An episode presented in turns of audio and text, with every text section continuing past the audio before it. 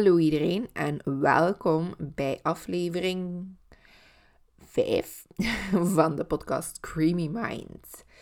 Ehm, zoals dat jullie wel hebben gelezen waarschijnlijk op Instagram en zo niet, is het een dagje retaar. Um, onder andere om medische redenen bij mij, uh, maar ook een aantal persoonlijke zaken die uh, opgekomen zijn vorige week en begin deze week die ervoor gezorgd hebben dat mijn opnameschema een klein beetje door elkaar was.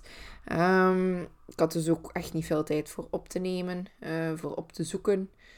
Um, maar ik wil jullie wel de aflevering geven deze week. Ook de aflevering die normaal gezien morgen gepland staat, zal ook een dagje opschuiven. Um, zodat er wel tijd is voor genoeg op te zoeken en genoeg voor te bereiden.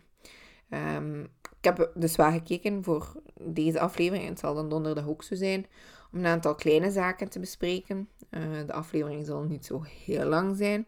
Toch heb ik geprobeerd van er genoeg info in te steken, waardoor dat nog altijd interessant blijft voor jullie. Um, en deze week zijn het dan ook twee Belgische zaken. Het waren twee zaken waar ik zelf nog niet uh, van gehoord had. Veel informatie kon je er dan ook wel niet over vinden. Uh, beide waren ook zaken in de jaren 70. En in België werd er dan niet zo heel veel over moorden en dergelijke gecoverd. Behalve zo kleine, kleine stukjes. Maar allee, er waren geen dagelijkse updates en dergelijke. Zoals je nu bij het nieuwsblad en de HLN zou kunnen krijgen. Um, dus ja, ik heb wel een aantal artikels kunnen vinden. Maar de beide hadden weinig coverage online.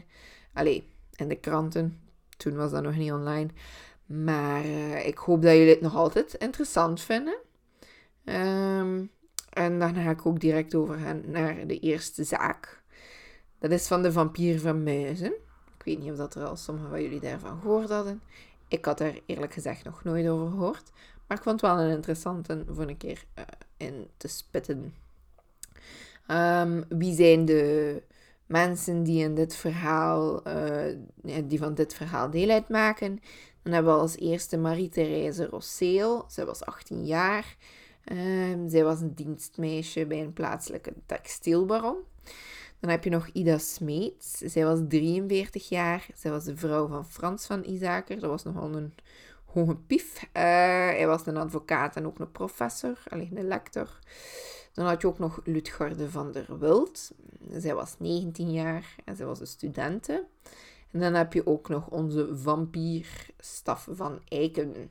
Hij was ongeveer 20 jaar. Uh, en zoals jullie straks ook nog gaan horen, uh, was hij uiteindelijk ook de dader. Allereerst ga ik het nog een keer herhalen. Het was heel, moeilijk om informatie over terug te vinden. Er waren wel een aantal boeken, maar ik ben absoluut geen leesfanaat. Um, ik kan wel een keer genieten van een boek, maar ik kan zo geen boek uitlezen op twee dagen tijd. Um, ik heb daar echt weken, maanden voor nodig. Dat is een keer voor als ik op reis ben of dergelijke. Hè. Maar dus ik baseer me ook heel vaak gewoon op de krantenartikels dat ik vind.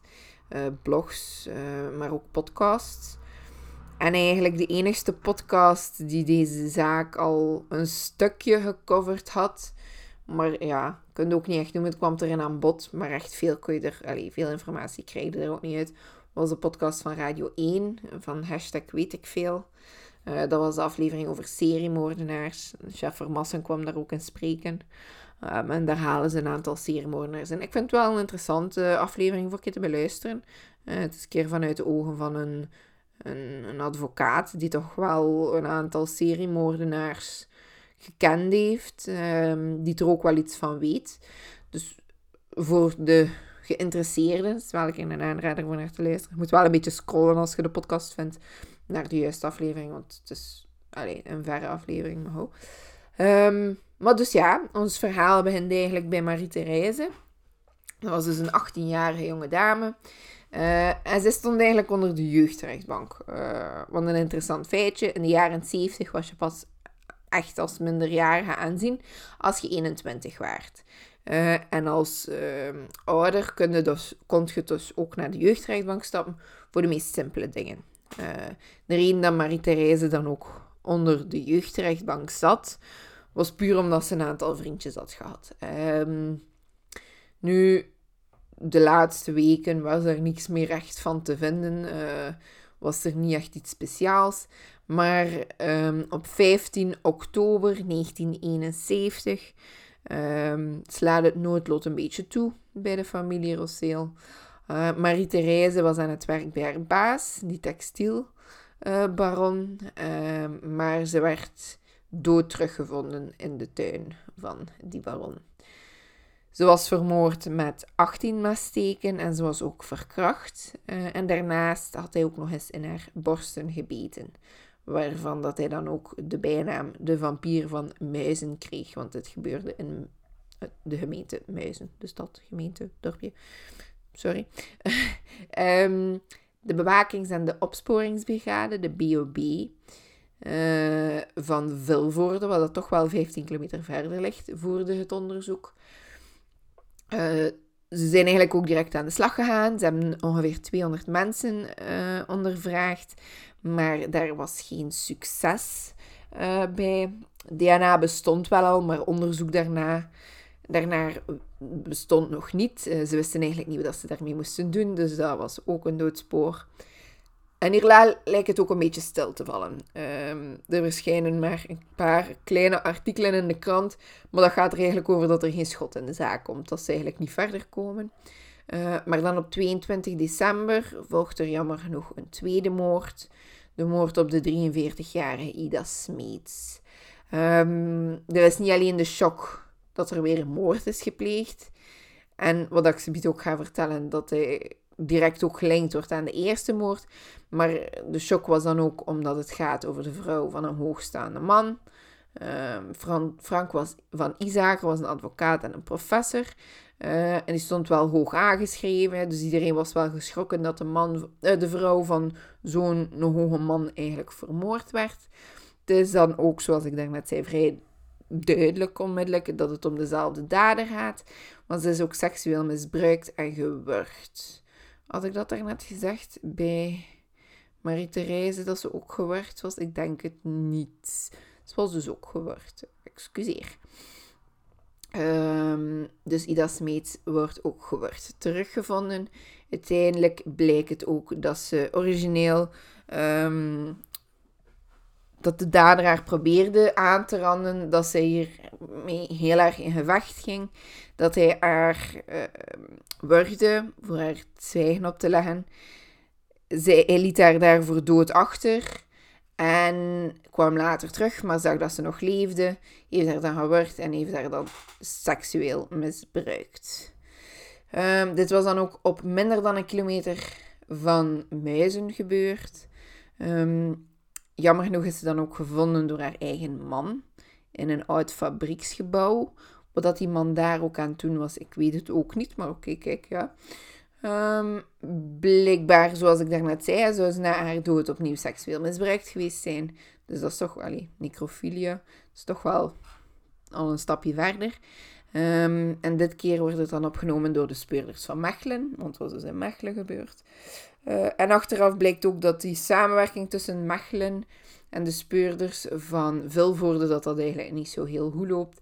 Dat dat toch, toch wel tot wat moeilijkheden leidt. Um, toch doen ze daar wel echt hun best ook in Mechelen. Er worden heel wat mannen ondervraagd. Uh, er waren onder andere mannen die zowel de overstap Mechelen-Muizen regelmatig maakten, maar ook mannen die gescheiden waren of gingen scheiden. Uh, om te kijken hoe dat zij een dag een beetje doorwachten. Om te kijken of dat, dat toch geen ja, act uit, uit frustratie was of dergelijke. Uh, maar ook daar komen ze eigenlijk niet ver. Uh, en natuurlijk, ja, kranten zouden kranten niet zijn als ze geen sensatie zouden zoeken. Zelfs in de jaren 70. Nu is het denk ik waarschijnlijk wel nog een stukje erger, maar toen gebeurde dat dus ook. Uh, er gingen allerlei geruchten rond dat er connecties zouden zijn tussen de hogere kringen.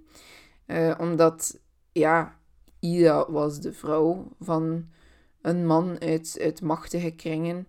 En Marie-Therese werkte voor iemand uit machtige kringen, alleen hogere kringen. Dus daarbij werd door de krant wel direct de link gelegd. Ja, maar ja, heeft dat daar niets mee te maken? Uh, allee, er, er gebeuren er ook wel dingen, neem ik aan. Eh, er zijn wel al zaken geweest. Ik weet nu niet precies in België, maar ik weet dat dat in Amerika ook heel veel gebeurt. Maar uiteindelijk bleek daar ook niks van aan te zijn. En dat die... Had dat ook alleen... Dachten de spoorders daar ook, speurders daar ook nooit aan.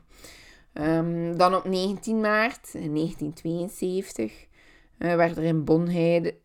Wordt dan in Bonheide Lutgarde van der Wild um, gevonden. Zij was verminkt en vermoord. Um, uiteindelijk bleek dat dan ook de, samen te hangen met de moorden van Marie-Therese en Ida. En uiteindelijk was dat dan ook de laatste moord. Um, want diezelfde avond nog wordt er een man opgepakt. En hij, hij, wordt eigenlijk direct in connectie gesteld met de drie moorden. En dat was dus Staf van Eiken. Hij heeft zichzelf de das eigenlijk een beetje omgedaan. Um, het is zo toen dat de politie, politie, uh, Lutgarde vonden, fietste staf voorbij en was hij eigenlijk heel oninteresseerd. En dat trok toch een beetje de aandacht van de speurders, want uiteindelijk het is toch een vermoorde vrouw. Ik denk dat iedereen wel een keer zou kijken wat dat is, maar hij, deed alsof dat het hem niks deed. Um, en ze lieten hem dan ook volgen. Uh, en uiteindelijk zien ze dat, alleen na wat onderzoek, zien ze ook dat Staf aanwezig was op het feestje waar dat Lutgarde was, de avond voor haar moord. Uh, of de avond van haar moord. Ik weet niet precies wanneer dat ze vermoord is geweest. Of dat effectief op de dag was dat ze haar gevonden hebben, of de avond ervoor. Maar dus Staf zou haar daar leren kennen hebben. Uh, en hij wordt dan ook opgepakt. Uiteindelijk wil hij, allee, hij bekend voor de drie moorden. Um, hij wil ook bekennen voor een vierde moord, maar uiteindelijk blijkt deze vrouw nog te leven, wat dat hij niet wist. Um, hij had daar dus ook gewerkt, maar ze was blijven leven, net zoals dat bij Ida de eerste keer gebeurd was. Later uh, beweert hij dat hij minstens 80 vrouwen ervoor en er rond en erdoor had aangerand, uh, maar hen niet vermoord had. Hij werd ook origineel veroordeeld tot de doodstraf. Maar ja, in België werd dat dan uiteindelijk afgeschaft en hij zit levenslang vast. Het is wel zo dat hij tot 2006 penitentiair verlof kreeg, dus dat hij eigenlijk regelmatig buiten de gevangenis was. Uh, maar dat werd dan uiteindelijk ook afgeschaft en hij mag sindsdien de gevangenis ook niet meer verlaten. Ik weet dat hij onlangs uh, wel nog een keer aangevraagd heeft voor met uh, ja, een bepaald verlof te gaan. Maar uh, verder vond ik daar ook niet over of dat, dat is toegelaten geweest of niet. En dat was dan eigenlijk de zeer korte zaak van de vampier van Muizen. Ik vind het eigenlijk wel interessant en gek dat ze de, de man zo snel hebben gevonden, zelfs met DNA. Uh, nu, met die, nu dat wij DNA hebben, zou je denken van ja, dat gaat ook allemaal zo snel, maar er zitten daar soms ook echt jaren tussen. Uh, hier hebben ze het bijna binnen een jaar uh, opgelost. Dus allee, is toch wel, zelfs nog niet, een paar maanden. Um, is toch wel interessant dat ze die, die aanname maakten van, hmm, die, die ziet er een beetje maar vreemd uit. Die geeft hier niet zoveel aandacht als de rest van de mensen rond deze zaak.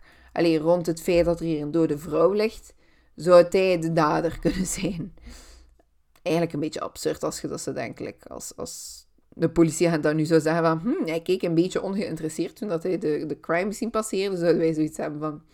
Wat? Dat is geen reden om iemand te verdenken. Maar kijk, ja, toen heeft dat dus opgeleverd. Um, ja, en dan de tweede zaak.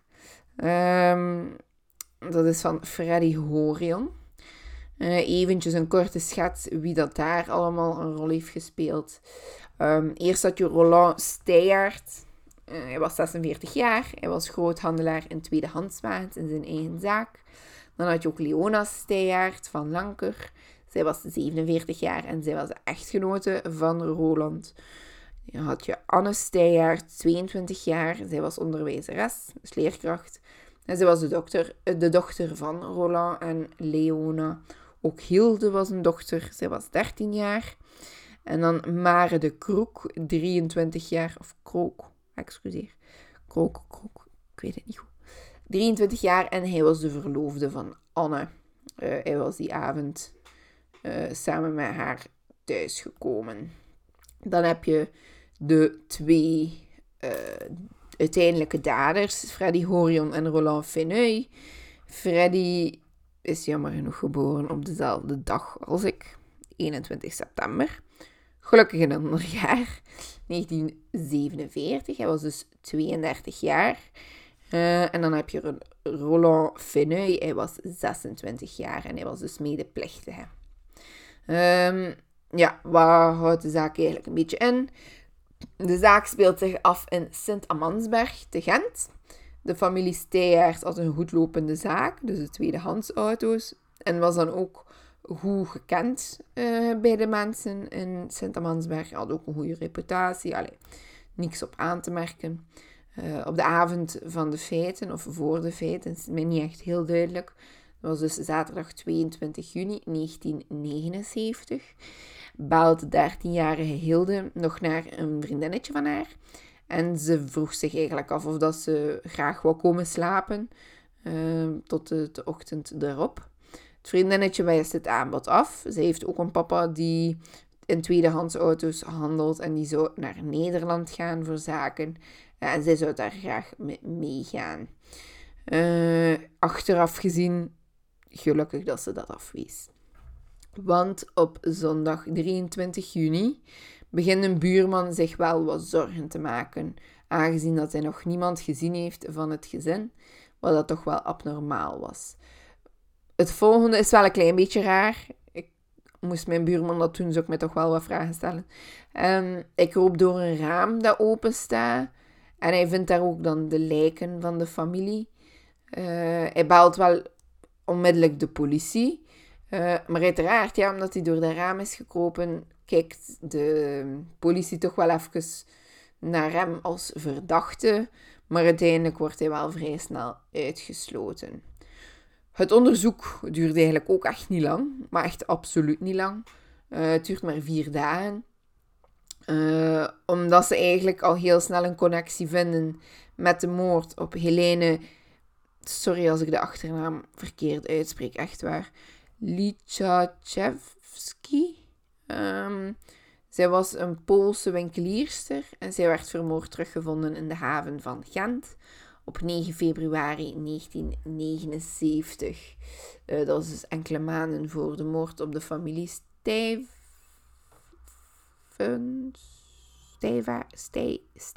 Oh, ik heb namen, hè. verschrikkelijk, echt. Uh, de. Um, dus ja, ze zien daar een connectie in. Ik weet niet hoe op wat dat ze dat gebaseerd was op DNA. Ik dacht dat het op DNA was. Ehm, en op dinsdag 26 juni, eigenlijk maar drie dagen nadat ze de familie vermoord hebben teruggevonden, arresteren ze al een man. Uh, dat was Fenui. En op woensdag 27 juni arresteren ze uiteindelijk Horion. Beiden bekennen ook, bijna direct. Uh, wat wel heel gemakkelijk ging. Uh, ze zouden elkaar gekend hebben vanuit de gevangenis, want beiden hadden al uh, in de gevangenis gezeten. Um, Horion kende dan ook de familie Steyaert, want hij had al twee tweedehandswagens gekocht van Roland. Uh, Roland dus hij, ja, hij kende de zaak, hij kende Roland. Um, uiteindelijk spraken Finney en Horion af op zaterdag 22 juni. Uh, en hebben ze die avond ook gepland om de zaak te overvallen. Um, de dochter Anne en uh, toekomstige schoonzoon Mare de Krook, de Krook um, waren eigenlijk ja, toevallige slachtoffers, want zij zijn thuisgekomen tijdens het hele gebeuren en zijn dan ook vermoord. Horion werd dan uiteindelijk verdedigd door niemand anders dan onze zeer liefde Jeff Vermassen. Uh, die staat nogal bekend om het feit dat hij eigenlijk bijna nooit een zaak verliest. Maar toch worden zowel Horion als Fenouille ter dood veroordeeld. Uh, natuurlijk, zoals ik daarnet heb gezegd, omdat die straf niet meer uitgevoerd wordt in België, werden die twee straffen automatisch omgezet naar levenslange gevangenisstraffen. Horion wist wel in 1982 kort uit de gevangenis te ontsnappen. Dat was blijkbaar een hele rage dan, omdat er heel veel gevangenen die, die probeerden ontsnappen, die ontsnapten. Um, was dan ook van gevangenis veranderd, eigenlijk om dat te voorkomen. Maar toch, hey, is toch gelukt. Maar is toch na anderhalve maand terug in Nederland opgepakt. Um, Finney verbleef in de gevangenis van Oudenaarde, my hometown. Maar die transfereerde dan naar de hospitaalafdeling in Brugge voor longkanker. Um, en die overleed daar dan uiteindelijk ook aan op 60-jarige leeftijd. Horion probeerde eigenlijk al jaren vervroegd vrij te komen, maar gelukkig zonder succes. Daarnaast zou hij nu ook beweren, want hij was dus wel veroordeeld ook voor de dood op, uh, de moord op Lichachevski, Helene. Um, maar nu zou hij dus beweren dat hij dat niet gedaan heeft, dat hij daar onschuldig voor is en dat dat een vriend gedaan heeft van hem. Uh, de feiten zijn nu wel jammer genoeg verjaard. En die vriend loopt ook nog vrij rond. Dus allee, die zaak wordt ook niet meer geopend, wordt als gesloten gezien. Um, en als dat effectief zo is, dat hij dat niet gedaan heeft, ja, uiteindelijk, ja, hij heeft wel vijf andere mensen vermoord, dus is het waar dat hij moest zitten. Maar ja, het is dan natuurlijk wel jammer voor Helene dat de juiste man niet uh, opgepakt is. En ja, voor haar is dat wel een beetje spijtig dan. Maar uiteindelijk, Horion hoort wel in de gevangenis. Dus ik heb absoluut geen medelijden met die man. Uh, met geen enkele van de daders. Uh, zijn, ja, je moet maar geen mensen vermoorden. Laat dat even de clue van het verhaal zijn hier. Um, ja, je... Bitte, doe het gewoon niet. Punt. En dan zijn we eigenlijk al aan het einde van onze twee kleine verhaaltjes. Um, ik weet dat het twee heel kleine, korte zaken waren en dat de aflevering ook heel kort is. Uh, maar dat is deze week een beetje waar dat het, alleen een beetje het mogelijke. Um, ik hoop dat het volgende week alweer wat anders is. Dat ik dit weekend ook veel meer tijd ga hebben. Want vorig weekend was, allee, was er echt nul tijd, jammer genoeg. Um, ik hoop dus dat ik van het weekend echt genoeg tijd ga voor een goede, straffe, toffe zaak te kunnen voorstellen aan jullie. Uh, als jullie zelf een zaak willen, als jullie een voorstel hebben, zelfs voor morgen, um, dan mogen jullie die altijd doorsturen. Uh, het liefst dan al op het mailadres van de podcast. Dat is Creamy Minds, mijn S achter. Uh, wacht hè.